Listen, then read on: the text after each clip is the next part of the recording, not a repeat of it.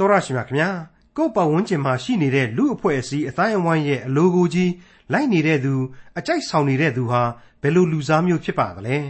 ကိုယ့်ရဲ့ယုံကြည်ချက်ကိုယ့်ရဲ့ယက်တီချက်ကိုယ့်ရဲ့မူဝါဒကိုအလျှော့ပေးပြီးလူတိုင်းရဲ့အကြိုက်ကိုအလျှော့ပေးဆောင်ရွက်နေကြတဲ့သူတွေဟာဘယ်လိုလူစားမျိုးတွေဖြစ်ကြပါသလဲလူဆိုးလူမိုက်လူရန်ကာတခိုးဓမြ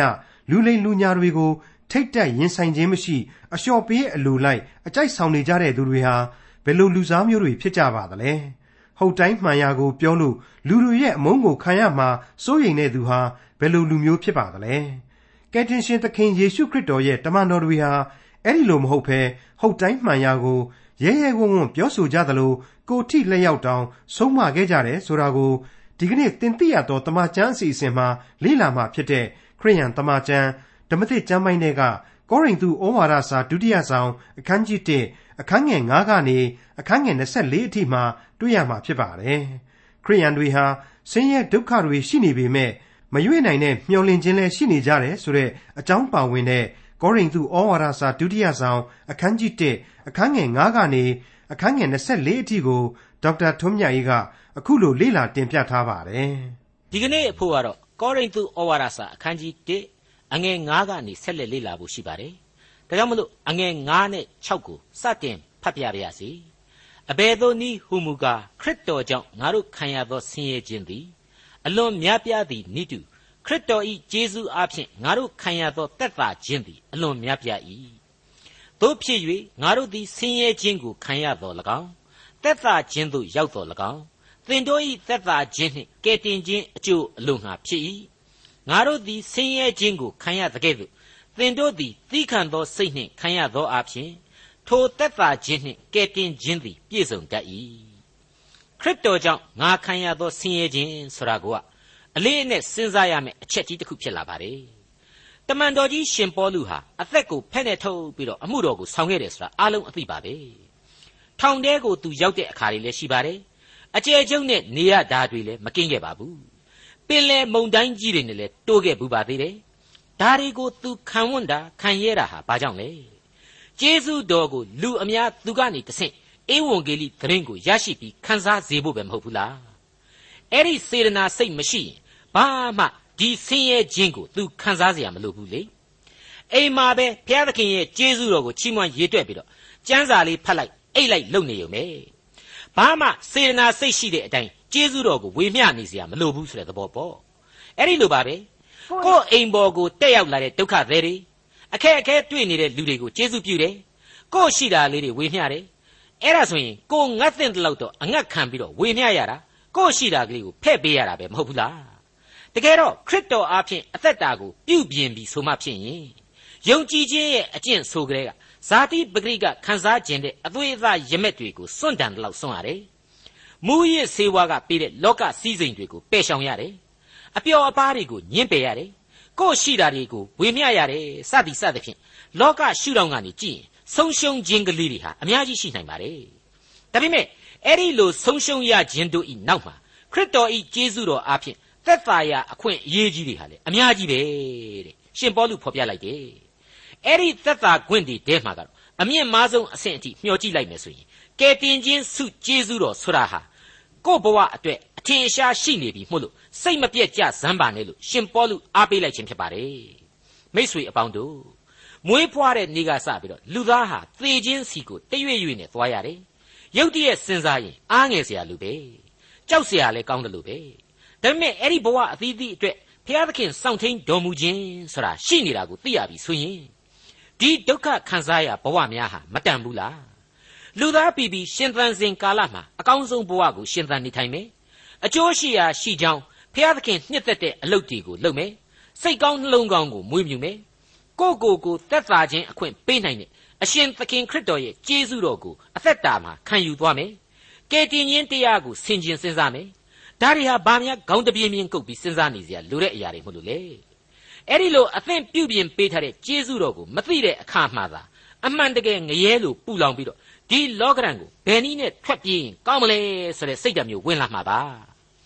ကောရိန္သုဩဝါဒစာဒုတိယစာဆောင်အခန်းကြီး1အငယ်9မှ10သင်တို့အတွက်ကြောင့်ငါတို့သည်မရွေ့နိုင်သောမျှော်လင့်ခြင်းရှိ၏သင်တို့သည်ဆင်းရဲခြင်းကိုဆက်ဆံတကဲ့သို့ထိုနည်းတူတက်တာခြင်းကိုဆက်ဆံကြ၏ဟုငါတို့သည်သိကြ၏ညီအကိုတို့အာရှိပြည်၌ငါတို့ခံရသောဆင်းရဲခြင်းတည်းဟုသောအသက်မလွတ်နိုင်ဟုထင်ရ၍ မခံနိုင်အောင်အတိုင်းတဲ့အလွန်လေးသောဆင်းရဲခံရခြင်းအကြောင်းကိုသင်တို့မသိဘဲနေစေခြင်းဟာငါတို့အလိုမရှိ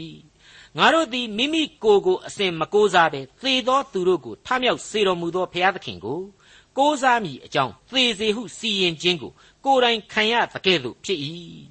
ထိုဘုရားသခင်သည်ငါတို့ကိုထိုမျှလောက်ကြီးစွာသောသေဘေးမှကယ်လွတ်တော်မူပြီးယခု၌လည်းကယ်လွတ်တော်မူသေး၏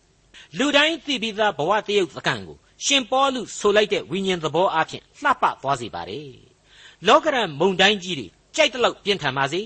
မင်းတို့အတွက်မျောလင့်ခြင်းဆိုတာကတော့ငါတို့ယင်ထဲမှာအမြဲရှိတယ်အဲ့ဒီမျောလင့်ခြင်းဟာမရွေ့လျော့သောမျောလင့်ခြင်းပဲတဲ့ရှင်းနေပါတယ်နော်အဲ့ဒီမရွေ့လျော့သောမျောလင့်ခြင်းဆိုတာရှိပါတယ်ဆိုတဲ့လူကြီးဟာတစ်ချိန်လုံးကသနာချင်းဂယုနာတော်နဲ့သက်သာခြင်းအခွင့်ကိုပေးတဲ့သခင်ကိုအကြီးအကျယ်ဆန့်ကျင်ခဲ့တဲ့လူဆိုကြီးပညာတွေတတ်သလောက် ဒီတရားကိုမမြင်ခဲ့အောင်ရှိခဲ့တဲ့ရှောလူဆိုတဲ့လူချမ်းကြီးဆိုတာကိုအမှတ်ရကြပါဩစတြေးလျနိုင်ငံခရီးသွားမှတ်တမ်းဆိုတဲ့စာအုပ်မှာဒေါက်တာဟယ်ရီအိုင်မ်ဆိုင်ဆိုတဲ့ပုဂ္ဂိုလ်ကြီးရေးသားခဲ့တဲ့အချက်တစ်ခုကိုကျွန်တော်ဒီနေရာမှာအောက်မေ့မိပါတယ်ဩစတြေးလျကဗီယက်နာမြို့တော်မှာအေယာမသိုးအုပ်ကြီးတစ်ခုကိုကာလန်နဘေးကလေကွင်းတစ်ခုမှာတွေ့ရတယ်အဲ့ဒီသိုးအုပ်မှာအံ့ဩဖို့ကောင်းလောက်အောင်သိုးရင်းအရှင်းမရှိပဲကတိကတ်သက်ခွေးကြီးနှစ်ကောင်ကဒီသိုးအုပ်ကိုထိမ့်ပေးနေတာကိုတွေ့ရတဲ့ အဲ့ဒါနဲ့အဲ့ဒီခရီးသွားဒေါက်တာအိုင်ဆိုင်တို့အဖွဲ့တွေကဘယ်လိုလဲထာဝရဘုရားသည်ငါဤသိုးရင်းဖြစ်တော်မူ၏ဆိုတဲ့ကြံကိုသွားစဉ်းစားမိပြီးတော့ဒီသိုးတွေကြတော့လူကတောင်မှစောင့်ကြက်ကြည့်ရှုတာလည်းမရှိပါလားစသဖြင့်ပေါ့ဇဝေဇဝါတွေဖြစ်ကြတယ်နားမလည်နိုင်အောင်ဖြစ်ခဲ့ကြတယ်လို့ဆိုပါတယ်အဲ့ဒါနဲ့ပဲသူတို့ဟာသူတို့ခရီးသွားတွေကိုလိုက်ပြီးလမ်းပြတဲ့အဖိုးအိုကြီးကိုခမည်းတော်ဒေသမှာဒီလိုပဲသိုးအုပ်ကြီးတစ်ခုလုံးကိုခွေးနှစ်ကောင်လောက်နေပဲလွှတ်ထားလိရှိသလား သိုးတွေကလေကွင်းနဲ့အနှံ့ပြအများကြီးခွေးကနှစ်ကောင်နဲ့ရှိတယ်ဆိုပြီးမေ့ကြည့်ကြတော့အဲ့ဒီအဖိုးအိုကပြုံးပြုံးကလေးပဲပြန်ဖြေတယ်တဲ့ဟုတ်တယ်သိုးတွေကကွင်းလုံးအပြည့်ရှိပေမဲ့ဘာအန်ဒီယမှမရှိနိုင်ဘူးအချိန်တန်ရင်စားတော့ပြီးသိုးကြံတွေကိုစိတ်ချလက်ချနဲ့ပြန်ရောက်စမြဲပဲခွေးတကောင်ရဲ့နာမည်ကကျေးဇူးတော်တဲ့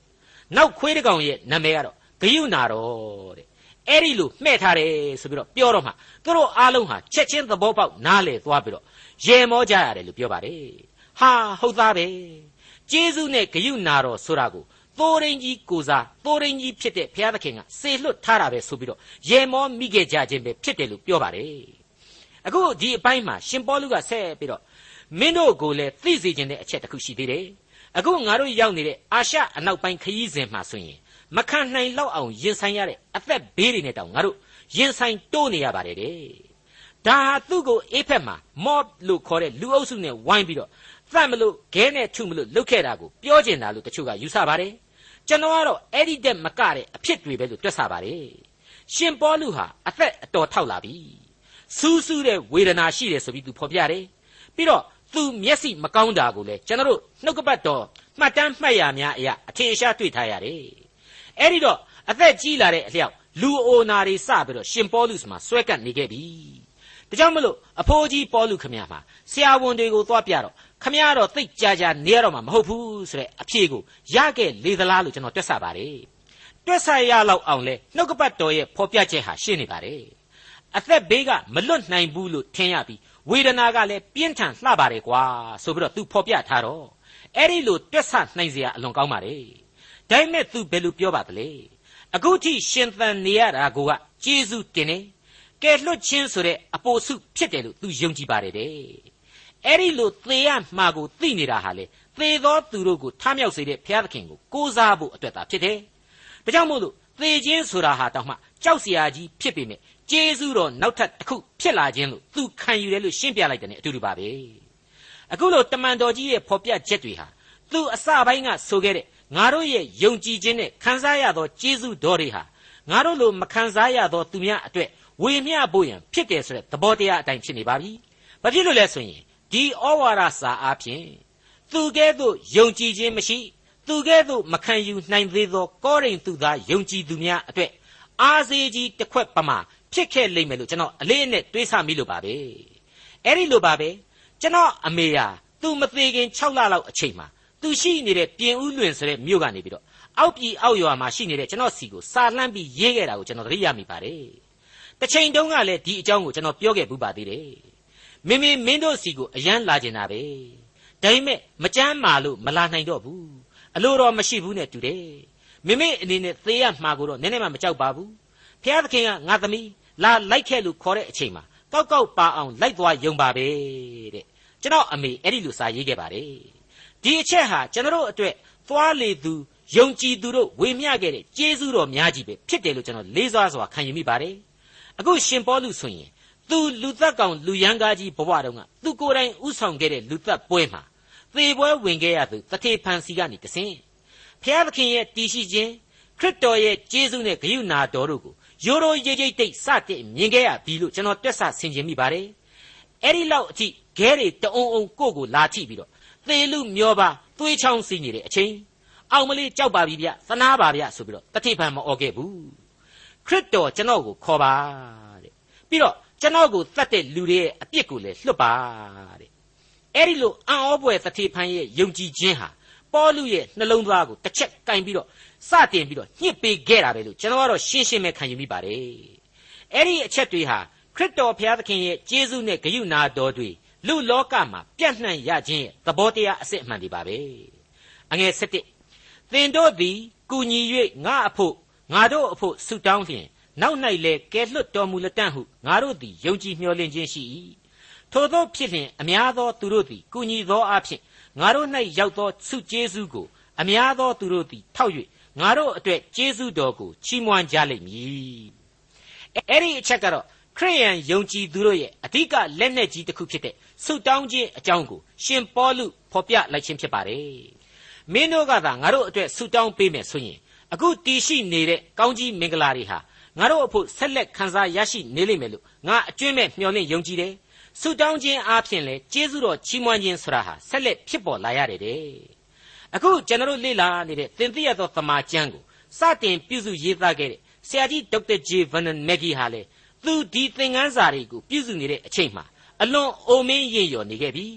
ဒါပေမဲ့သူ့ကိုဘုရားသခင်ဟာကင်ဆာယောဂဇိုးကြီးကြားတဲ့ကပဲဆက်လက်အသက်ရှင်ခွင့်အမှုတော်ဆောင်ခွင့်ပေးခဲ့တာဟာသူကိုယ်တိုင်ရဲ့ဆူတောင်းဆက်ကပ်ခြင်းရဲ့သူ့ရဲ့မိษွေခရိယန်အပေါင်းအသင်းတွေရဲ့ဆူတောင်းပေးခြင်းရဲ့ကြောင့်ပဲဖြစ်တယ်ဆိုတာကိုဖြည့်ဆွက်ဖော်ပြထားပါတယ်သက်သေခံထားပါတယ်မိษွေအပေါင်းတို့ခမညာနေနဲ့လေနဲ့အားပြိုင်တဲ့ပုံမြင်ကလေးတစ်ခုကိုကျွန်တော်ဖတ်ဖူးပါတယ် လူတယောက်ဟာကုတ်အင်းကြီးရှည်ကြီးဝတ်ထားတာကိုဒီအင်းကြီးကြီးကိုမကျွတ်ကျွတ်အောင်ငါတို့နေနဲ့လေနဲ့နှစ်ခုဟာအားပြိုင်ကြမယ်ဆိုပြီးတော့လေကအရင်စပြီးတအားတိုက်တယ်လေကိုလူကိုတကိုယ်လုံးရိမ့်ရိုင်သွားတဲ့အထိကုတ်အင်းကြီးရှည်ကြီးလွင့်ထွက်သွားမတတ်အထိပြင်းပြင်းထန်ထန်တိုက်ခိုက်တယ်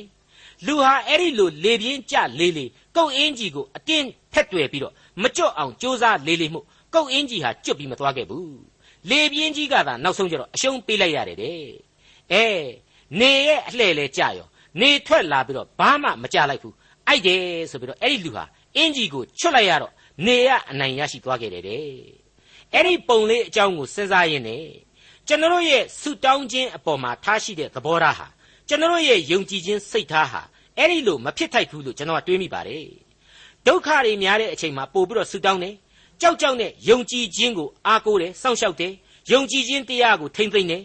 ဖျားသခင်ကိုကုံယုံပြီးအသနာခံတယ်ဟော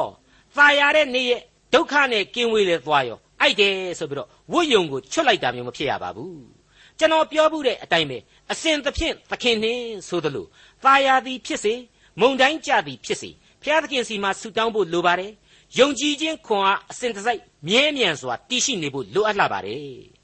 ကောရိန္သုဩဝါဒစာဒုတိယစာဆောင်အခန်းကြီး1အငယ်7ငါတို့ဝါကြွားဝမ်းမြောက်ခြင်းအကြောင်းဟူမူကားလောကီပညာကိုအမိမပြုဖျားသခင်၏ကျေးဇူးတော်ကိုအမိပြု၍လစ်လျူသောစိတ်နှင့်၎င်းဖျားသခင်၏အလိုတော်ရှိသောကြည်ပြူခြင်းနှင့်၎င်းငါတို့သည်လောက၌ကြင်ကြံပြုမှု၍ငါတို့စီမာလေထိုသို့အထူးသဖြင့်ကြင်ကြံပြုမှုသည်ဟု ကိုကိုကိုသိသောစိတ်သည်တက်သေးခံသည်ကျေးဇူးတော်သာလျှင်အဓိကဆရာကိုပဲ တမန်တော်ကြီးတိုက်တွန်းအားပေးလိုက်ခြင်းဖြစ်ပါတယ်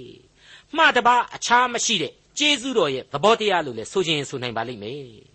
မေတ္တာတော်တွင်ခိုလှုံလျက်အစဉ်နေခြင်းလှသည်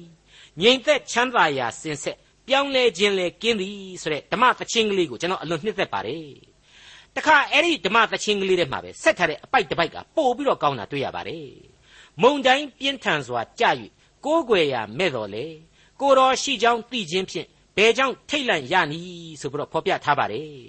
တမန်တော်ကြီးရှင်ပေါလုကိုအကျယ်ကျုံနဲ့ယောမကိုခေါ်တော့မုံတိုင်းကြီးကြတဲ့အချိန်ကိုစဉ်းစားနိုင်ပါတယ်သင်္ဘောကက်ပတိန်ရဲ့တွက်ကိန်းတွေဟာအကုန်လုံးလွဲချော်နေခဲ့ပါတယ်ဖျားသခင်ရဲ့လူပေါလုအားဖြင့်သာလျှင်သင်္ဘောတစ်စီးလုံးကလူတွေဟာဘေးကင်းလုံခြုံစွာနဲ့မေလိတသို့မဟုတ်မော်တာကျွန်းကလေးပေါ်ကိုရောက်ရှိခဲ့ရခြင်းဖြစ်ပါတယ်လောကနဲ့ပတ်သက်ပြီးတော့ကိုယ်အစွန်းတတ္တိတွေဂုံပကာသနာတွေ အင်အားတွေအရေးအချင်းတွေကိုတော့လူသားဟာကြွားကျင်ဝါကျင်ကြတာဟာသဘာဝပါအမှန်မှာတော့ဘုရားသခင်ရဲ့ကျေးဇူးနဲ့ဂရုနာတော်သားဖြင့်ကျွန်တော်အဖို့အဓိကဝါကြွားเสียအကြောင်းဖြစ်ပါတယ်ခိုးလှုံเสียအကြောင်းလည်းဖြစ်ပါတယ်ဒီအချက်ကိုရှင်ပေါလုသတိပေးလိုက်ပါတယ်အဲ့ဒါဟာယုံကြည်သောသူတို့ရဲ့လောကအသက်တာအတွင်းကအလွန်ကောင်းမွန်တဲ့ကျင့်စဉ်ကြီးဖြစ်တယ်ဆိုတာကိုရှင်ပေါလုဟာကောရိန္သုအသင်းတော်မှတဆင့်ဒီကနေ့ကျွန်တော်တို့တဦးစီကိုသတိပေးလိုက်ပါတယ် ကောရိန္သုဩဝါဒစာဒုတိယစာဆောင်အခန်းကြီး1အငယ်73မှ79သင်တို့သည်ဖတ်၍ဝန်ခံသောအရာမှတပါအခြားသောအရာကိုငါတို့သည်ရေး၍ပေးလိုက်သည်မဟုတ်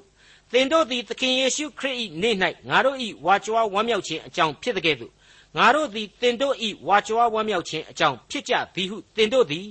ငါတို့ကိုအနည်းငယ်အားဖြင့်ဝန်ခံသည့်အတိုင်းအစဉ်ဝန်ခံကြလိမ့်မည်ဟုငါတို့သည်မျှော်လင့်လျက်နေကြ၏ အစဉ်ဝန်ခံမည်ဟုငါသဘောကျလျက်ရှိ၍သင်တို့သည်တဖန်ဆုကျေးဇူးတော်ကိုခံရစေခြင်းဟာငါသည်သင်တို့စီသို့အရင်လာမည်ဟုအကြံရှိ၏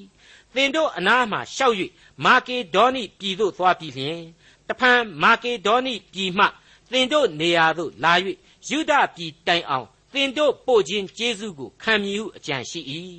ထိုသောအကြံရှိသောအခါလျှက်ပေါ်သောစိတ်ရှိသလောသို့မဟုတ်ငါစကားမှဟုတ်မှန်၏ ဟုတ်မှန်၏ဟု၍၎င်းမဟုတ်မမှန်မဟုတ်မမှန်ဟု၍၎င်းဖြစ်စေခြင်းဟာငါကြံစီသောအရာကိုဇာတိပဂရိအတိုင်းကြံစီသလောအခြားသောအရာကိုဖော်ပြမနေခြင်းပါဘူးဆိုတာကတော့မမြဲသောတရားတွေကိုဆိုလိုတာပါအရေးမရအဖတ်မရတဲ့တခြားသောအရာတွေကိုဆိုလိုတာပါသခင်ခရစ်တော်၌ဝမ်းမြောက်ခြင်းဝါကြွားခြင်းရှိကြဖို့အတွက်ကိုပဲသူဟာတိုက်တွန်းပါတယ်အားပေးနေပါတယ်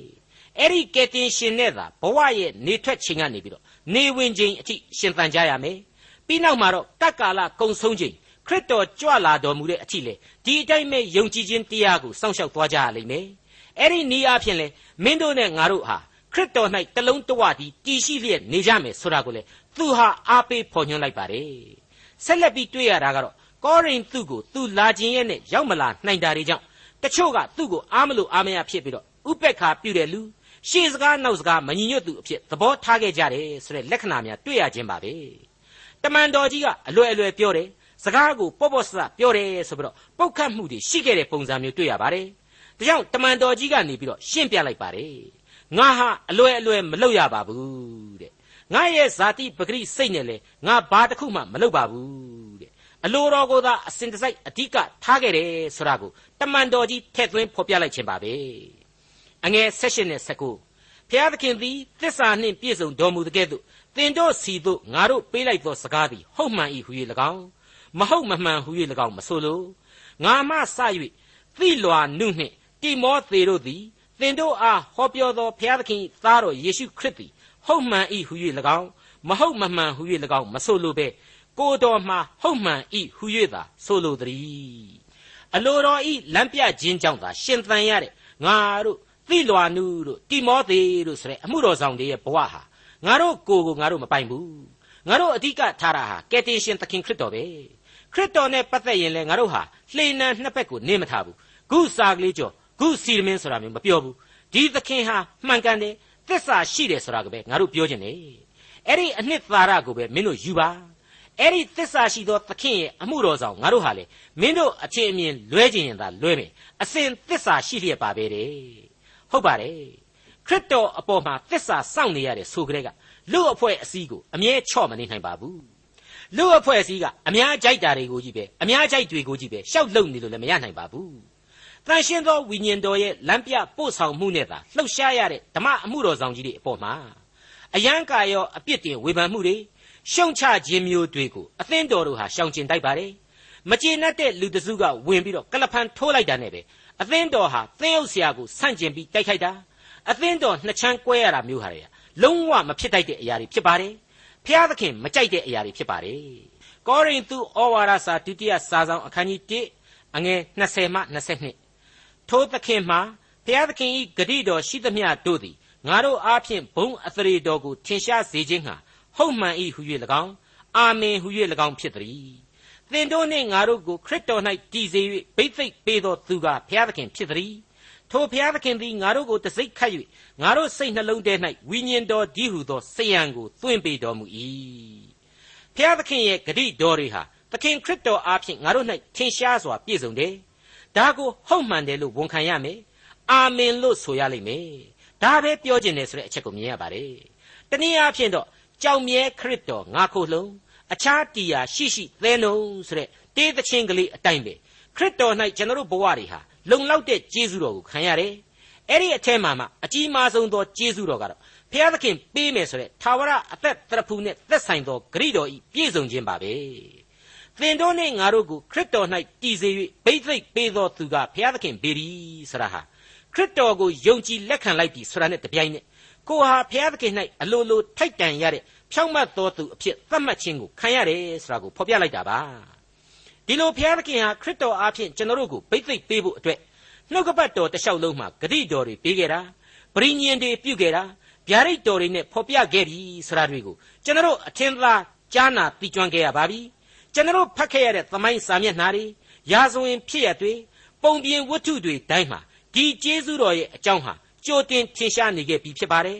ဒါကြောင့်လဲဒီသခင်ဟာတစ္ဆာတရားနဲ့ပြည့်စုံတယ်ဆိုတာစောစောကပဲကျွန်တော်တို့ကြားနာခဲ့ကြရတယ်မဟုတ်ဘူးလားအဲ့ဒီလိုဘိသိက်ပေးပြီးတော့အသက်လမ်းပေါ်ကိုတက်လှမ်းခြင်းအခွင့်နဲ့အတူကျွန်တော်တို့လူသားတို့ရဲ့လောကဘဝတက်တန်းအတွင်းမှာနောက်ထပ်စယံအဖြစ်နဲ့တွေ့ရတာကတော့နှလုံးသားခွန်အားအဖြစ်သွင်းပေးလိုက်သောဝိညာဉ်တော်ပဲတဲ့ပေးသွင်းတဲ့နေရာမှာလဲစနစ်တကျရှိတယ်ခိုင်ခိုင်လုံလုံပေးတယ်ဒါကိုတစိ့ခတ်နှိပ်လိုက်တယ်ဆိုပြီးတော့သုံးဆွဲထားပါတယ်ရှင်းပါပြီနော် ဒါကိုခရိယန်ဘာသာဝင်တွေကခမည်းတော်သားတော်တန်ရှင်းသောဝိညာဉ်တော်သုံးပါးတစုသို့မဟုတ် Holy Trinity ဆိုပြီးတော့ခေါ်တယ်ရန်ကုန်မြို့လယ်ကဖះရှိခိုးကျောင်းကြီးတစ်ခုကိုအဲ့ဒီ Holy Trinity Church ဆိုပြီးတော့မှဲ့ခေါ်ထားပါတယ်သုံးပါးတစုဤတန်ရှင်းသောဗိမာန်တော်ကြီးဆိုတဲ့အမည်ပဲပေါ့ဘလောက်ကောင်းတယ်လေအဲ့ဒီလိုသုံးပါးတစုဖြစ်တဲ့ဘုရားသခင်ဆိုလို့ကောဘာများရှုပ်သွားတယ်လေမရှုပ်ပါဘူးမရှုပ်တဲ့အပြင်ပို့ပြီးတော့ရှင်းသွားရပါတယ် အဖက်ဖက်ကအခက်အခဲများရှိသောလူဘဝအတွက်အဖက်ဖက်ကနေပြီးတော့မလွတ်တမ်းလုံခြုံသွားစေတယ်မဟုတ်ဘူးလားတက်ဆုံရွက်ဆုံဘက်ပေါင်းစုံမှလုံခြုံချမ်းသာအသက်တာကိုပေးရသခင်ကျေးဇူးရှင်ဤစီစဉ်ညွှန်ကြားကောင်းကြီးများလို့ကျွန်တော်ကတော့ရှင်းရှင်းကလေးပဲခံယူပါတယ်အဲ့ဒီလိုရှင်းရှင်းကလေးခံယူနိုင်တာနဲ့အမျှလွယ်လွယ်ကလေးလည်းထိတွေ့ခံစားရတယ်လို့ပါပဲအေးကျေးဇူးတော်ကတော့တည်နေပြီလိုအပ်တာကတော့ကိုယ်တိုင်ကနောင်တနှလုံးသားနဲ့ လက်ခံနိုင်ဖို့သာပဲဖြစ်ပါတယ်ခရစ်တော်ကိုယုံကြည်ခြင်းဖြင့်ကောင်းကင်ဆုကျေးဇူးအတွက်ဘိသိက်ပေးတယ်ပြီးတော့နှလုံးသားတွေကိုတန်ရှင်းသောဝိညာဉ်တော်နဲ့ခွန်အားပေးလိုက်ပြန်တယ်အဲ့ဒီလိုရှင်ပေါလုကအခုဖော်ပြနေပါတယ်တန်ရှင်းသောဝိညာဉ်တော်ဟာကျွန်တော်တို့အတွက်ဘလောက်အထွတ်အမြတ်ထားတဲ့တယ်လဲဆိုတာကိုဆက်လက်စဉ်းစားနိုင်ဖို့အတွက်ကတော့အေဖက်ဩဝါဒစာအခန်းကြီး၄အငယ်30မှာဖော်ပြထားတဲ့အချက်ကိုအထူးသတိပြုကြရပါလိမ့်မယ်ရွေးနှုတ်ခြင်းနေ့ရဲ့တိုင်အောင် သင်တို့ကိုတစိ့ခတ်တော်မူသောဘုရားသခင်၏တန်ရှင်းသောဝိညာဉ်တော်ကိုစိတ်မနာစေကြနှင့်တဲ့ဒါကိုအင်္ဂလိပ်အသုံးအနှုန်းကတော့ grief away ဆိုပြီးတော့သုံးပါတယ်စိတ်နာ၍စွန့်ခွာခြင်းဆိုတဲ့အဓိပ္ပာယ်ကိုဖော်ပြပါတယ်မိษွေအပေါင်းတို့ဖျားသခင်ဟာကျွန်တော်တို့ကိုမပယ်နိုင်လောက်အောင်ချစ်တော်မူလို့မခွဲခွာနိုင်လောက်အောင်တစိ့ခတ်နှိပ်တယ်ဆိုတာရှင်းနေပါတယ်တစ်ချိန်တည်းမှာဘုရားသခင်ချစ်တော်မူတဲ့လူဇာတိပဂရိစိတ်ဓာတ်တွေဟာမခွဲခွာလိုပါဘူးဆိုတဲ့ဘုရားသခင်ရဲ့ဝိညာဉ်တော်ကို ကိုယ်နှလုံးသားကနေမခွဲခွာခွဲခွာသွားစေတဲ့အထိမိုက်ပစ်ကြီးတတ်တယ်ဆိုတာကိုကျွန်တော်မြင်ရပါတယ်အဲ့ဒါဟာကောင်းကင်နဲ့မြေကြီးရဲ့ဆန့်ကျင်ဘက်သဘောတရားပါပဲစယံကိုပေးသွင်းတယ်ဆိုကြတဲ့ကဝိညာဉ်တော်ကောင်းကြီးဆိုတာဟာနောက်ထပ်အလီလီလာအောင်မဲ့ကောင်းကြီးမျိုးဖြစ်နေတယ်ဆိုတာရှင်းမနေဘူးလားအသက်တာကာလအတွက်အဆက်မပြတ်ဆေးရသောကောင်းကြီးများပဲပေါ့ကျွန်တော်လူသားတွေဟာဘလောက်များဒီကျေးဇူးတော်အကြောင်းကိုသိကြတယ်တော့မဆိုနိုင်ဘူးဖျားသခင်ကောင်းကြီးဟာဇက်တိုက်လာမယ်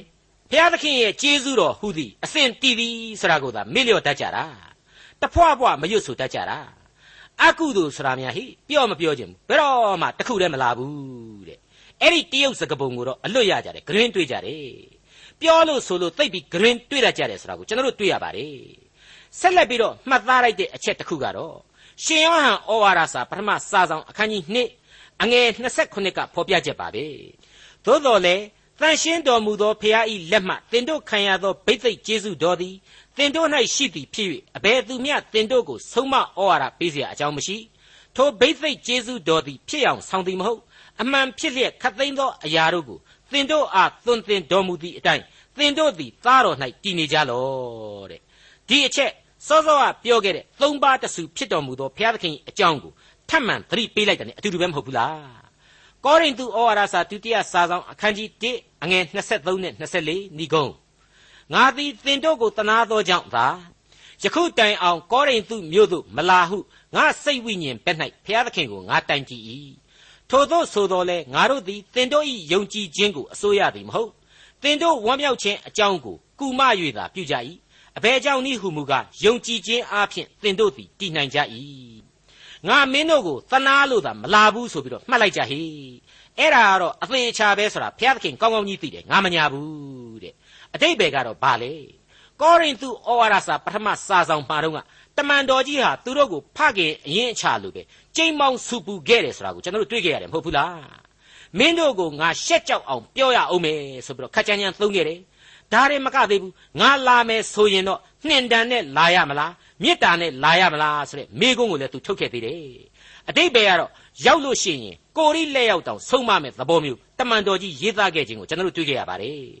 အဲ့ဒါကြောင့်ငါအခုထိမင်းတို့စီကိုမလာတဲ့အကြောင်းတစ်ခုကတော့မင်းတို့ကိုကိုမင်းတို့ကိုကိုကိုပြုပြင်ကြဖို့စောင့်ကြည့်ခြင်းတာဟာလေတကြောင်အပါအဝင်ဘဲလို့သူဆိုလိုခြင်းဖြစ်ပါလိမ့်မယ်ဒီအချက်တွေအပြင်တမန်တော်ကြီးရှင်ပေါလုဟာကောရိန္သုအသင်းတော်အပေါ်မှာဘလောက်ထိဩဇာညောင်းခဲ့တယ်